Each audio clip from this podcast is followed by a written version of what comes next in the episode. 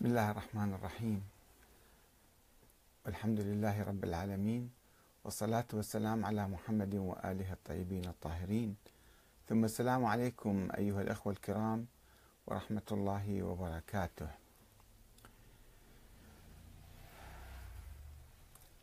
هل يمكن لكتاب أن يلد إنسانا؟ هل يمكن إثبات ولادة الإمام المهدي محمد بن الحسن العسكري عن طريق تأويل آيات القرآن الكريم؟ وهل هذا منهج معقول؟ أم يجب الاعتماد من أجل ذلك فقط على المنهج التاريخي؟ لماذا يدعي السيد علي السيستاني القدرة على إثبات ولادة ولد للإمام العسكري عن طريق تأويل عدد من آيات القرآن الكريم بصورة تعسفية. ألا يدل ذلك على العجز عن الاستدلال الصحيح العلمي على وجود الإمام الثاني عشر الذي كان ولا يزال محل خلاف ونزاع بين الشيعة الإمامية أنفسهم. يقول المثل إن كنت لا تدري فتلك مصيبة وإن كنت تدري فالمصيبة أعظم. لم يعرف عن المرجع الكبير السيد علي السيستاني حفظه الله أي كتابات أو أبحاث عقائدية أو تاريخية. ولا سيما في موضوع الإمامة أو وجود الإمام الثاني عشر محمد بن الحسن العسكري. ولكن مكتبه أسس عدة مراكز دراسات تخصصية في الإمام المهدي وغير الإمام المهدي وأسس أيضا مركزا للأبحاث العقائدية يشرف على نشر مئات الكتب في هذه المواضيع العقائدية والتاريخية. ولكن هذا المكتب ومن ورائه السيد علي السيستاني أيضا لم يستمع يوما إلى الرأي الآخر ولم يفتح أي مناقشة جدية حول أي موضوع ولم يدر أي ندوة أو مؤتمر حول هذه المواضيع الثقافية والفكرية والسياسية والتاريخية. وإنما اكتفى بدعم الرأي التقليدي الموروث حول العقائد أو ما يسمى بالعقائد وهي نظريات سياسية وليست عقائد دينية. أه تشكلت هذه العقائد التي تشكلت في القرن الرابع الهجري. على يد ما يسمى بشيوخ الطائفة الاثنى عشرية كالشيخ الكليني والصدوق والنعماني والمفيد والمرتضى والطوسي في القرنين الرابع والخامس الهجري. كإشارة منه إلى غلق باب الاجتهاد في هذه العقائد التي أصبحت مسلمات وضروريات وبديهيات. وقام مكتب الأبحاث العقائدية بمناسبة قرب يوم الخامس عشر من شعبان الذي يقال أنه كان يوم مولد الإمام الثاني عشر محمد بن الحسن العسكري قام بنشر مقال تحت عنوان ما هو الدليل على حياة الإمام المهدي ووجوده في آيات القرآن الكريم؟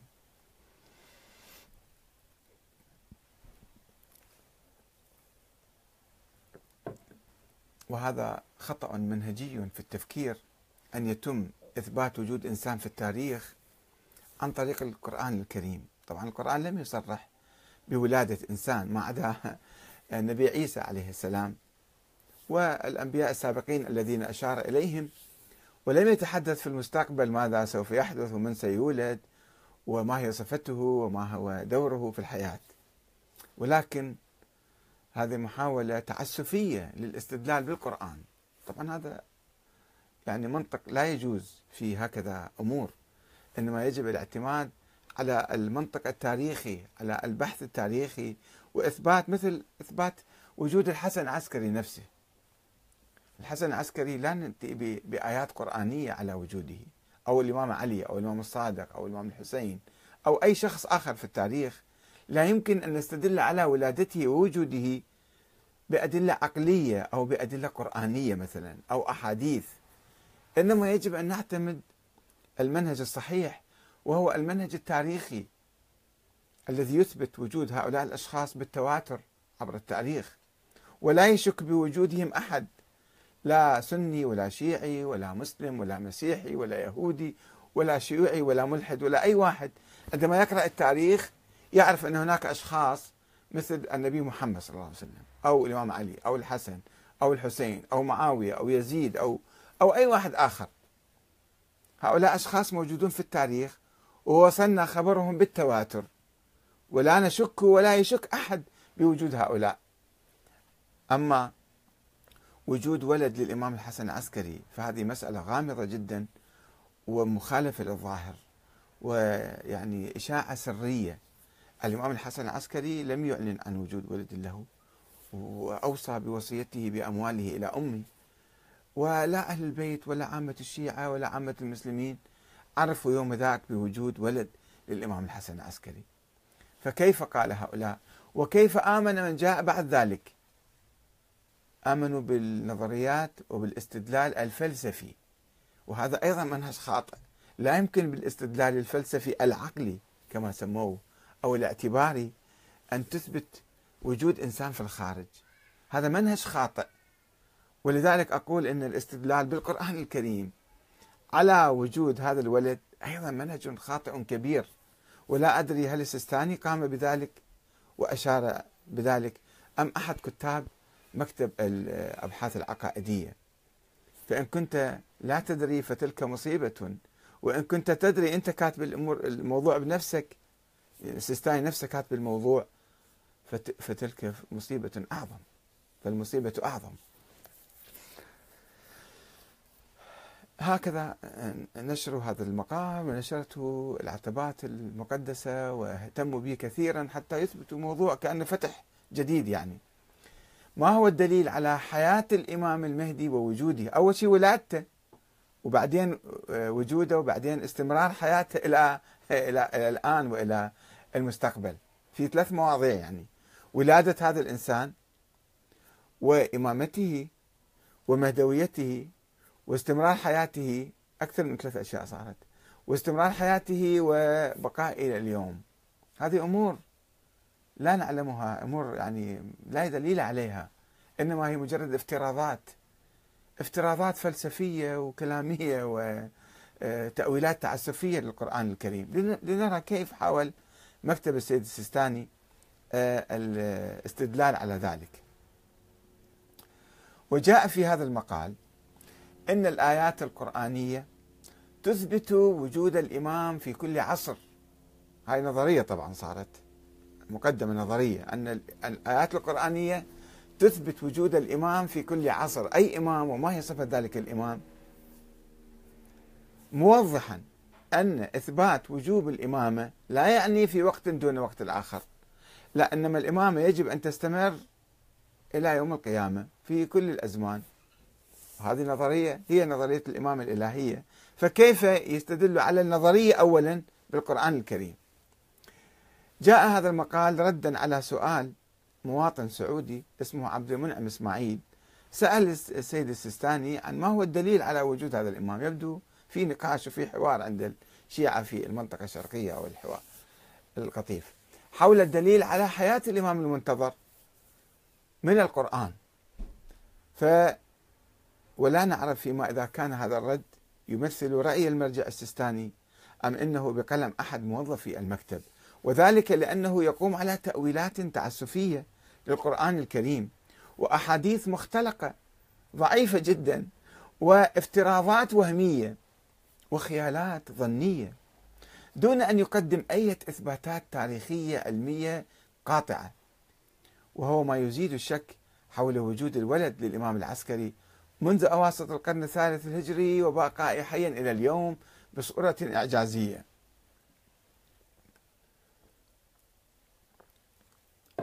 ولا نريد أن نبحث فيما إذا كان حيا بصورة إعجازية أو لا لأن هذا قياس باطل على قصة ذكرها القرآن قصة النبي نوح مثلا. لا يمكن أن كل واحد يجي يقول أو فلان واحد أيضا بصورة إعجازية باقي حياته ألف سنة أو أكثر. فلاحظوا كيف المكتب أو مركز الأبحاث العقائدية المفروض فيه يجري أبحاث معمقة وهو كتب مقالة يبدو سطحية جدا وسريعة جدا. فقد استشهد المركز في مقالته بهذه الآية الكريمة إنما أنت منذر ولكل قوم هاد. يعني أي واحد يقرأ الآية ماذا يفهم منها؟ إن يخاطب النبي الله سبحانه وتعالى إنما أنت منذر وهاد لكل قوم معناتها. أنت منذر ولكل قوم أنت هاد. ما في واحد آخر يتحدث عنه. الآية ما تتحدث عن أشخاص آخرين. التي يفهم منها بوضوح أن النبي الأكرم منذر وهاد لكل قوم. يجي المكتب يلوي عنق الآية ويؤولها تأويلا تعسفيا ليستنبط منها وجود هداة غير النبي لكل قوم. وهؤلاء وإحنا نسألهم إذا كان في وجود هداة لكل قوم. هؤلاء الهداة المقصود فيهم الناس العاديين العلماء مثلا الذين يهدون الناس ويقومون بدور الهداية والأمر المعروف والنهي عن المنكر وتعليم الناس أو لا هداة من الله تعالى. فإذا كان هداة عاديين فما فيها مشكلة يعني. ولكل قوم طبعا بتعسف ولكن لكل قوم هاد يعني الله معين ذاك الهادي أو آه، أو لا هم الناس في ناس عاديين. وهؤلاء إما أن يكونوا ناسا عاديين وإما أن يكونوا مرتبطين بالسماء. وفي هذه الحالة يكونوا أشبه بالأنبياء. يعني إذا الله يتحدث عن وجود هداة لكل قوم لكل زمان من الله تعالى فهذول صاروا أنبياء إذا ارتبطوا بالسماء. هو شنو فرق النبي عن غير النبي؟ هو الارتباط بالسماء ينزل عليه وحي خفي يعني. الوحي يعني العلم الخفي.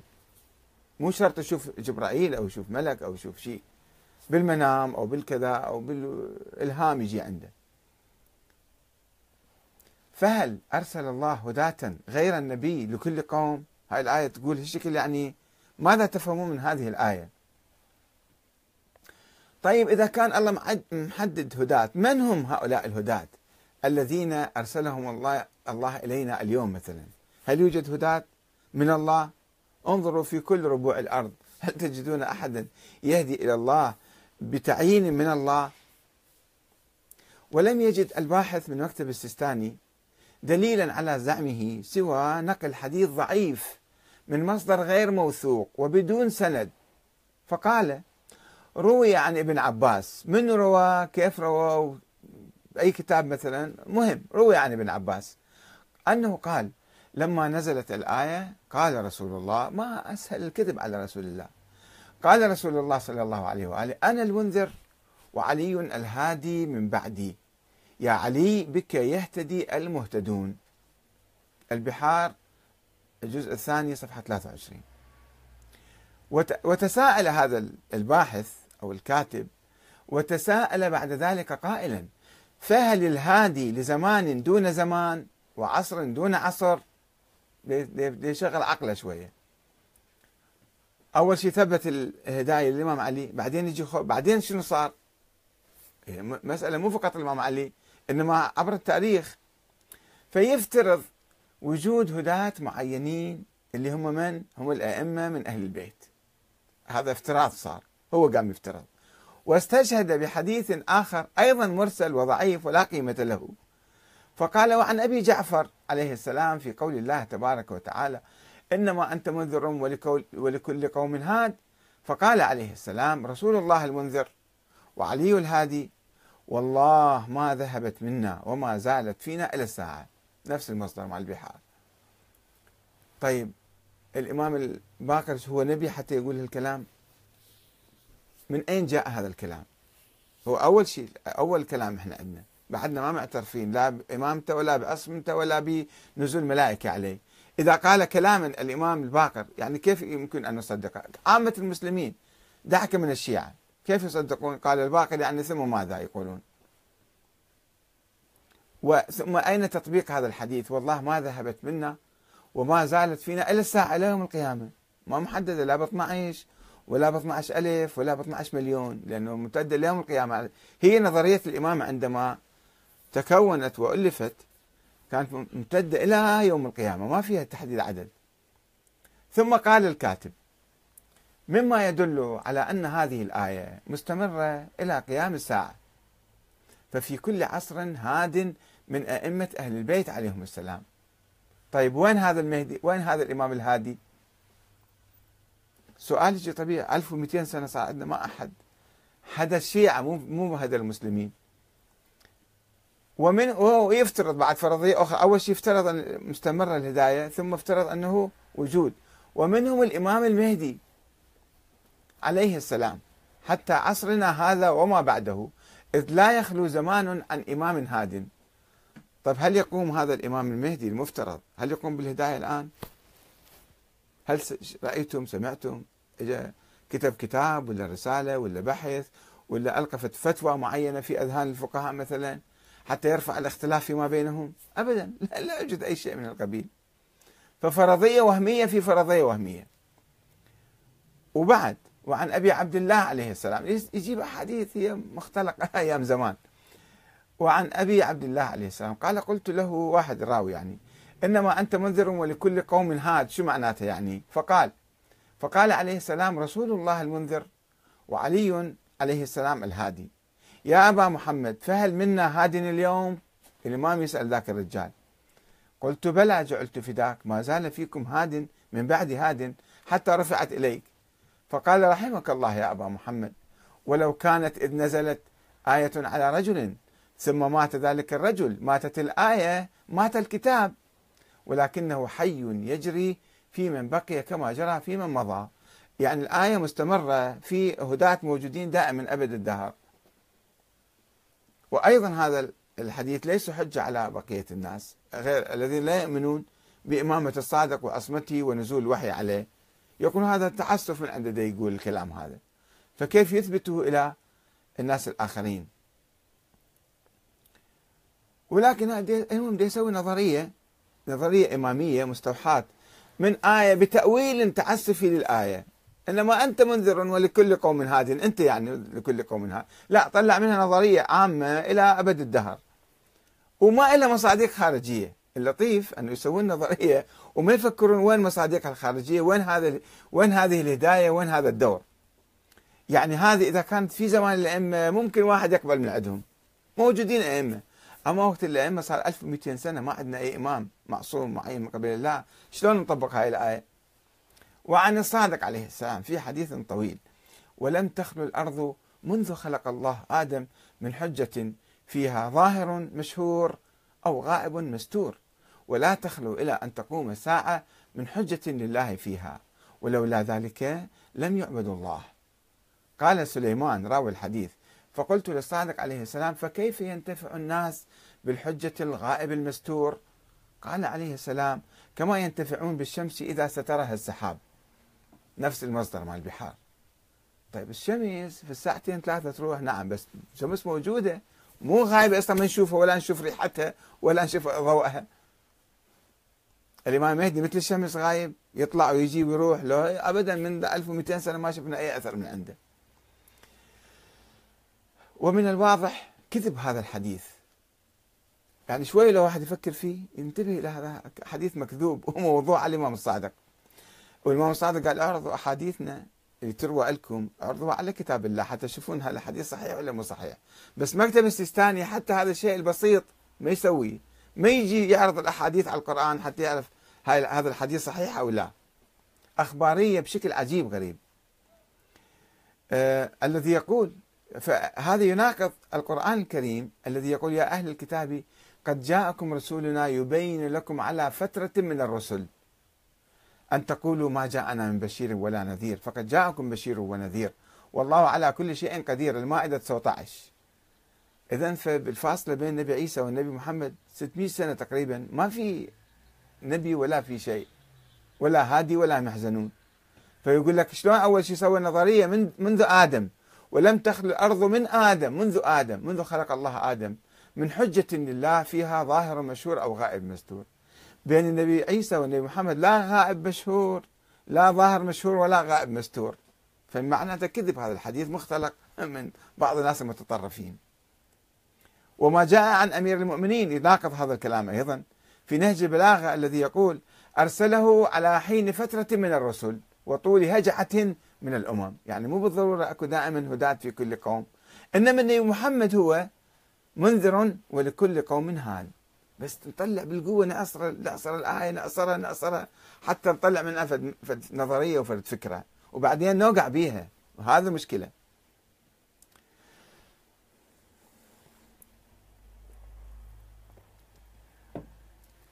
وعلى فرض صحة تأويل هذه الآية. بوجود هاد لكل أمة ولكل جيل. فإنها لا تنتج يقينا. ولادة ووجود شخص اسمه محمد بن الحسن العسكري. الآية بعيدة جدا عن الموضوع. إنما أنت منذر ولكل قوم هاد. وطلعنا مولود الحسن ابن الحسن العسكري. شلون جاب القصة على هذيك الآية؟ وأين هو؟ وما الدليل على ولادته؟ ولماذا لا يقوم بدور الهداية للشيعة ويرفع اختلاف المراجع فيما بينهم؟ إذا فلا هادي لنا اليوم من الله. ولا يجوز أن نفترض وجود شخص لا يقوم بدور الهداية. إذا فإن هذه الآية لا تشكل دليلا على وجود ابن الحسن. ولكن مكتب السيستاني والسيستاني ما أدري هو بنفسه ولا لا يعتقد أن هذه الآية شكل دليل على وجود وولادة محمد الحسن العسكري. عجيب غريب يعني. شيء ابدا وين واحد شيء بالشمال وشيء بالجنوب شيء بالشرق وشيء بالغرب.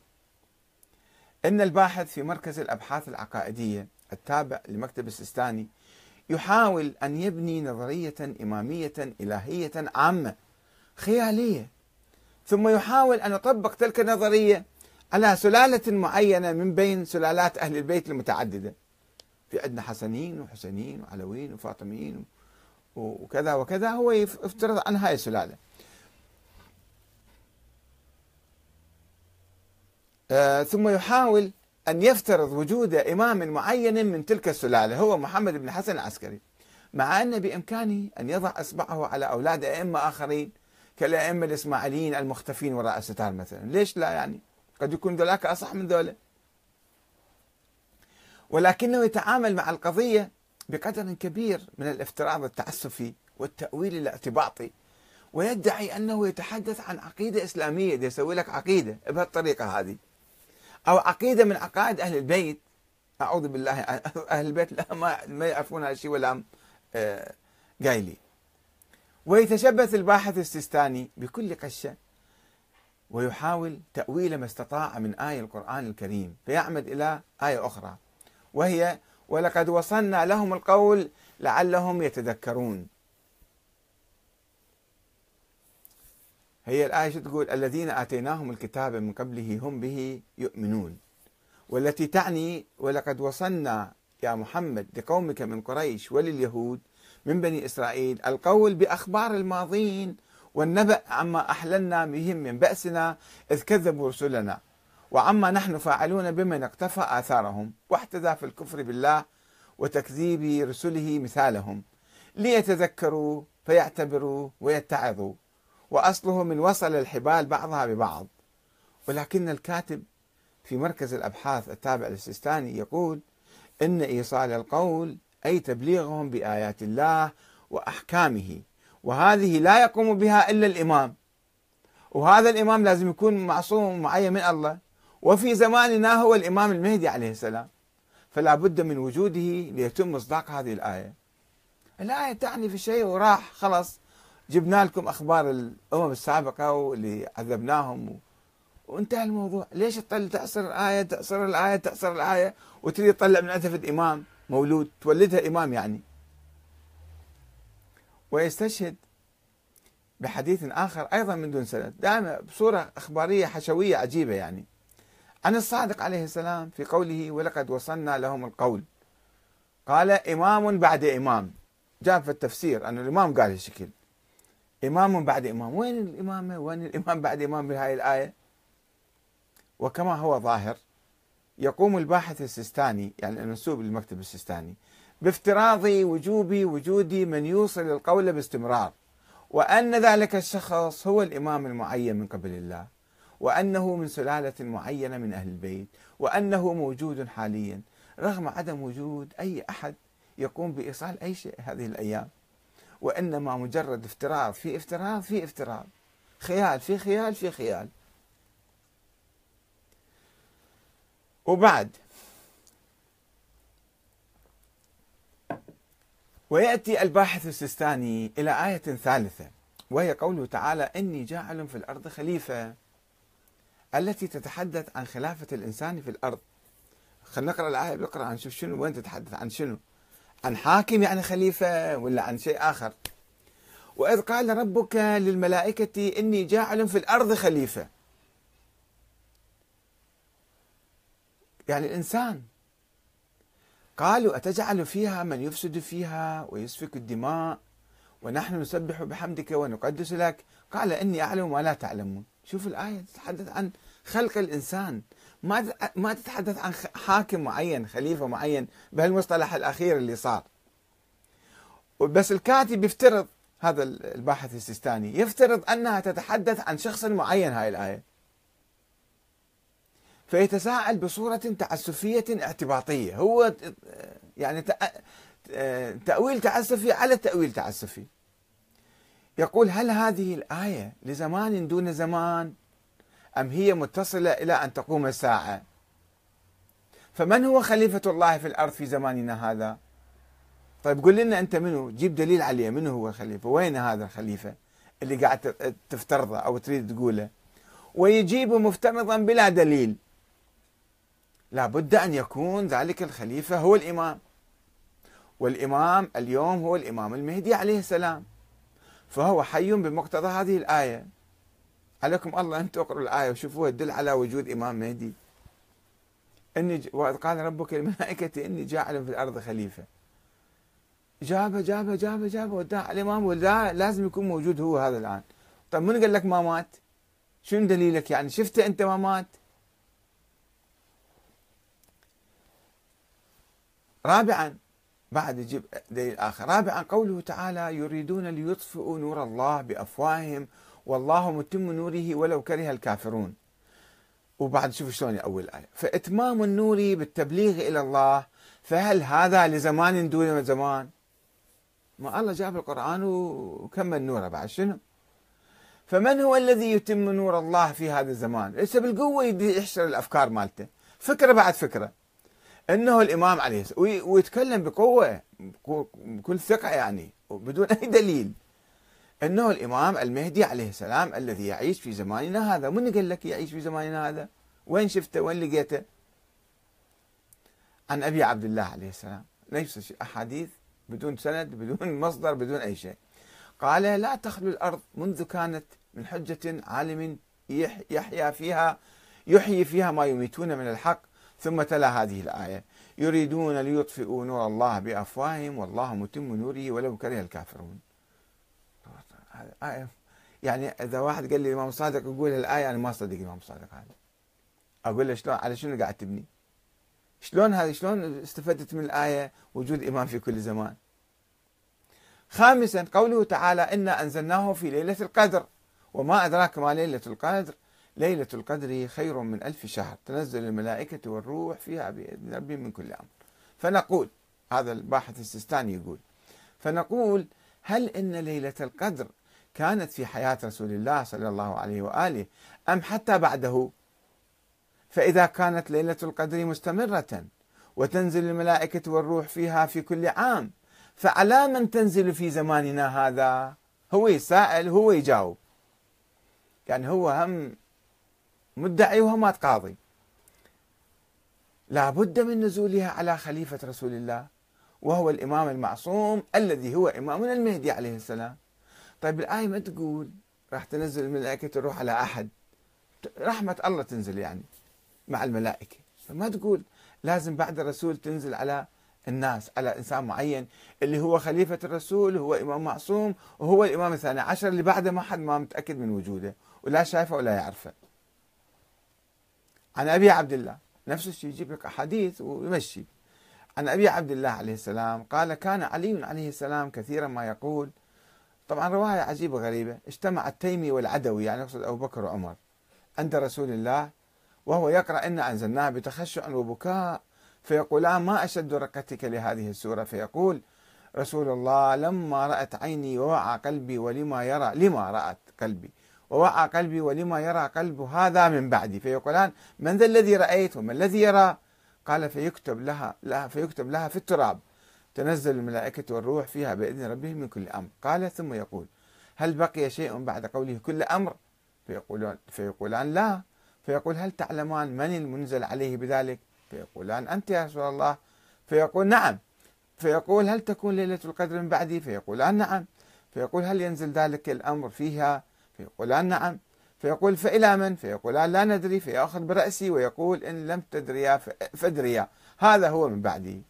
يجيب لك رواية من الكافي الله يعلم من مسويها ومن مؤلفها ومن مختلقها آه كذا. مما يدل استدل خلص هاي صارت صحيحة الرواية. ما دام الكافي ذاكرها بعد ما في مناقشة. هكذا يقول الأخباريون. مما يدل على أن ليلة القدر مستمرة ونزول الروح في هذه الليلة من كل عام على الإمام المعصوم وهو الإمام المهدي عليه السلام. فالإمام حي بمقتضى هذه الآية. كل فرضيات ماكو علم. والدين ما ينبني على الظن ينبني على علم ويقين. ويجيب آيات أخرى مشابهة نفس الفكرة هذه. سادسا قوله تعالى ينزل الملائكة والروح من أمره والروح من أمره على من يشاء من عباده. عن الباقر أنه سئل عن هذه الآية فقال جبرائيل الذي ينزل على الأنبياء. والروح يكون معهم ومع الأوصياء. لا يفارقهم ويسددهم من عند الله بصائر الدرجات.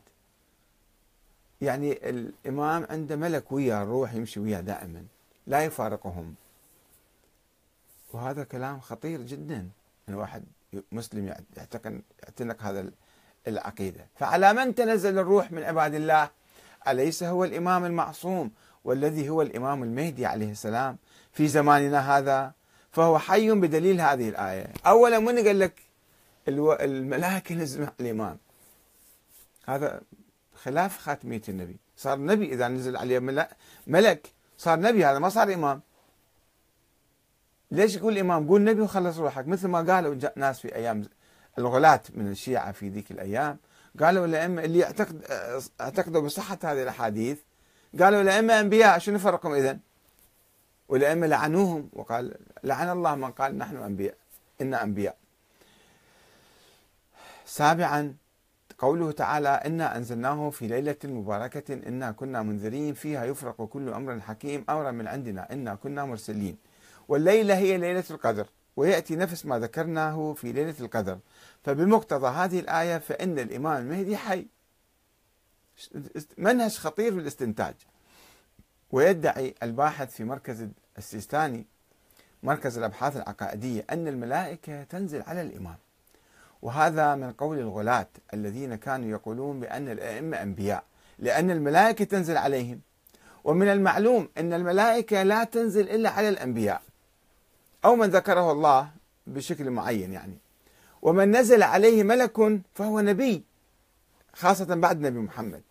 وبالرغم من خطأ هذه الفكرة وتناقضها مع خاتمية النبي محمد فإنها لا تشكل دليلا على وجود ولد الإمام الحسن العسكري حتى لو افترضنا صحيح هاي الفكرة. تنزل الملائكة. بس أول شيء اثبتوا وجود هذا الولد ثم قولوا الملائكة تنزل عليه. أما بعدكم ما متأكدين من وجوده وما عندكم أي دليل على وجوده شلون تقولون الملائكة تنزل على هذا الشخص؟ وأنه إمام ومعصوم من الله وأنه كذا وأنه كذا وكذا. يعني في فراغات بالتفكير ما يقدرون يدركوها. ومركز أبحاث عقائدية وما يعرف مبادئ الفكر الإسلامي. ولا يمكن الاعتقاد بذلك حتى على فرض صحة التأويل التعسفي لأنه قد يحتمل أن يكون قد يحتمل أن يكون رجلا آخر مو إلا هذا ابن الحسن العسكري واحد من أئمة الإسماعيلية. ليش ذاك باطل وأنتم صحيح يعني؟ ولا يمكن الاستدلال بها على نزول الملائكة على أحد إلا بعد إثبات وجوده لا بالعكس. إلا عن طريق الافتراض التعسفي اللا معقول ما هي دا ما دامت كلها افتراضات تعسفية فأخذوا حريتكم مش ما تردون افترضوا. وتخيلوا وصوروا وقولوا ما ما تريدون. وهذا طريق عجيب غريب. لا يمكن بناء عقيدة دينية على أساسه. ومن الواجب اتباع الطرق الإسلامية والمناهج الصحيحة والعقلية الواضحة بدون تأويل تعسفي ولا أحاديث مختلفة مختلقة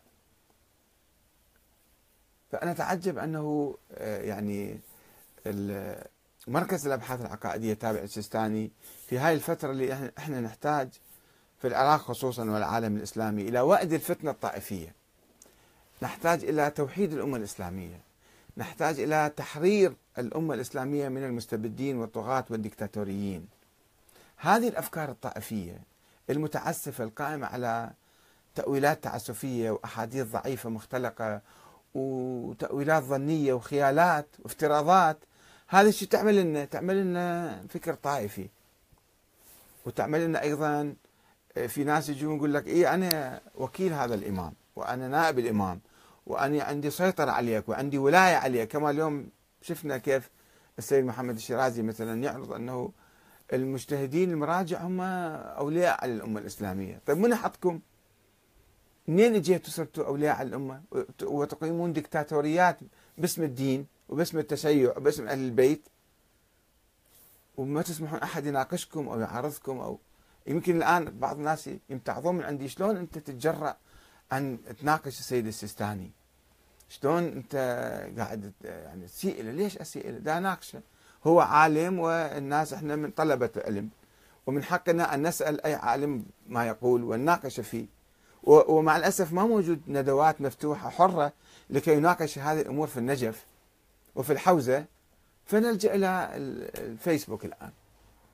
وليسمحوا لنا بإقامة ندوات حرة وموضوعية ومحايدة وفيها كل الأطراف يتكلمون فنحن نتكلم مع العلماء. ويجون المراجع الكرام ويبينون آرائهم ويوضحون أفكارهم. فلماذا صوت واحد عندهم فقط؟ نقل الفكرة التقليدية فقط. وممنوع الاجتهاد وممنوع الاقتراب من هذه الثوابت. ومن هذه ثوابت المذهب كما يقول السيد محمد سعيد الطباطبائي. حفظه الله. يعني ما يصير العلماء؟ شو ما يقولون وش ما يفكرون؟ هو صحيح وبدون مناقشة ناخذ أفكارهم وناخذ كلماتهم. شوية قليل من الحوار والتفاهم وأخذ وعطاء حتى يصير الفكر إذا كان فكر صحيح يمشي على كل الناس وإذا كان فكر واهي ومتهافت فأول ناس هم الحوزات لازم يتراجعوا عنه. ومع الأسف الشديد يعني هذا مركز الأبحاث اللي المفروض فيه يجتهد ويبحث ويدرس ودراسات ينتج لنا هكذا مقالات. فكيف بقية الطلبة اللي لا يدرسون ولا يقرون ولا يكتبون؟ الطلبه اللي ذولاك اميين ما أقول كل الناس اميين حوزات الأمية التي لا تقرأ ولا تدرس ولا تبحث هذه الأمور. مفروض هذه أمور تدرس بمناهج علمية في الحوزة. من أول الأمور الضرورية للطالب يتعلمها ويعرفها أن يتعلمها بعلم مو يتعلمها بتلقين وفقط أخذ وروح أمشي. هذا ما نحتاج إلى يعني إن شاء الله آه، تكريسه في هذه الثورة الثقافية التي حاصلة الآن في الحوزة آه، التي تعيد النظر والتفكير في كثير من الأمور وتتبع المناهج الصحيحة في التفكير. لا تجي تثبت وجود إنسان بمنهج عقلي أو منهج قرآني أو منهج حديثي لازم منهج تاريخي. إذا كان قضية تاريخية فإثباتها بمنهج تاريخي. إذا كان قضية كلية يمكن قضية عقلية.